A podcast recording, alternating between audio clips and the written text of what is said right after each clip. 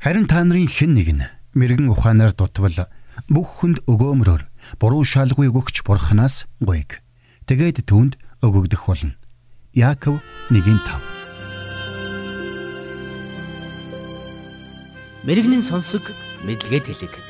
Ухаалаг нь мэрэгэн өдрөмжийг мөн авг. Доктор Харалт цаалогийн мэрэгэн зөвлөмж нэвтрүүлэг.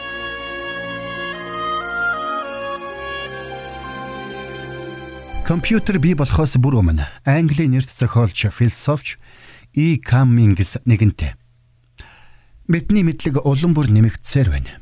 Харин мэрэгэн ухаан маань хайчав. Химэн асуусан байдаг.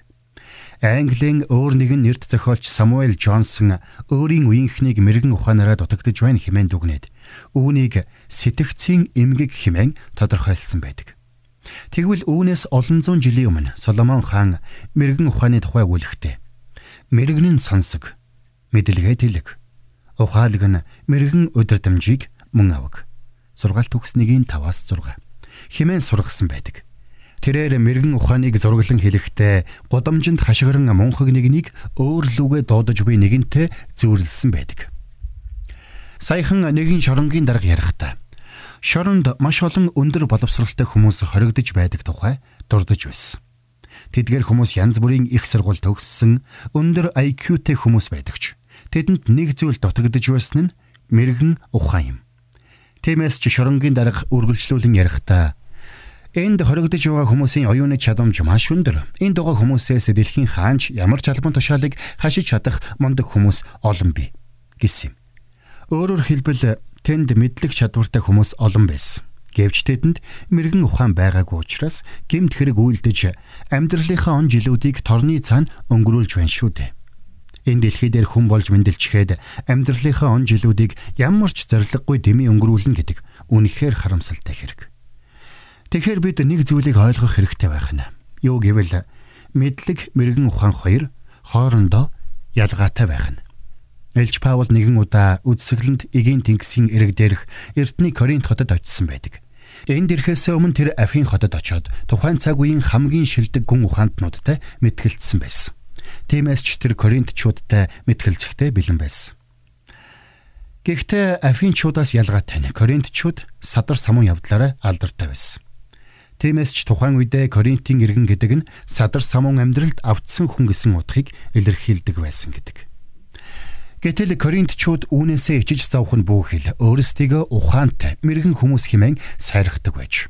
Паул тэдний энэ байдлыг энэ ертөнцийн мэрэгэн ухаан гэж нэрлээд үүний эсрэг бурхны мэрэгэн ухааныг эсрэгцүүлэн тавьсан байдаг. Тэрээр Коринтчуудын мэрэгэн ухааныг Христийн загалмайтай харьцуулахдаа үүнийг хүмүүсийн хувьд мунхаглал мэт боловч итгэсэн нэгний хувьд бурхны хүч чадал гэдгийг тунхагласан байдаг. Учир нь Паул мэрэгэн ухаан гэдэг ойлголтыг тис өөр өнцгөөс харж байсан юм. Өөрөөр хэлбэл Паул үүнийг өн мөнх химээх цаг хугацааны үүднээс харж байсан. Энэ төрлийн мэрэгэн ухааныг бид IQ-гаар эсвэл ололт амжилтаар хэмжих аргагүй юм. Учир нь энэ төрлийн мэрэгэн ухааныг олсон хүн бусдын хараагүй зүйлсийг харж, бусдын үнлээгүй зүйлсээс үн цэнийг олж харж чаддаг юм. Освальд Чамберс чухамдаа ийм мэрэгэн ухаантай хүн байсан юм.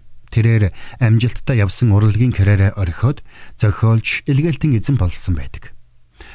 Тэтгэлэг авч Оксфордд суралцахын оронд тэр жижигхэн Библийн сургуульд сурч амьдралаа бүхлээр нь Есүс Христийн зорилгод зориулсан юм. Хэдийгээр тэр 40 гаруйхан наснда Египтэд нас барсан боловч түүний бичсэн эзнийг дээдлэх миний чин хүслийн химэх ном нь дэлхийн өнцөг булан бүрт сая сая хүмүүсийн амьдралд нөлөөлсөөр байна. Освальд өөрөө ч бичсэн үгийнхээ дагуу амьдэрсэн юм. Тэр өөрийгөө тодорхойлон хэлэхдээ би бол нэг хүний дотор буй олон мунхаглалын нийлбэр биш. Харин зөвхөн бурханд л итгэж түүнийг л дагдаг ганц л төрлийн мунхаг хүн юм. Химэн хэлсэн байдаг үлээ.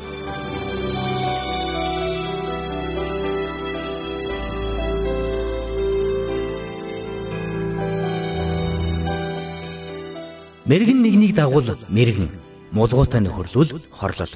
Доктор Харл цайлигийн мэрэгэн зөвлөмж нэвтрүүлэг танд хүрэлээ.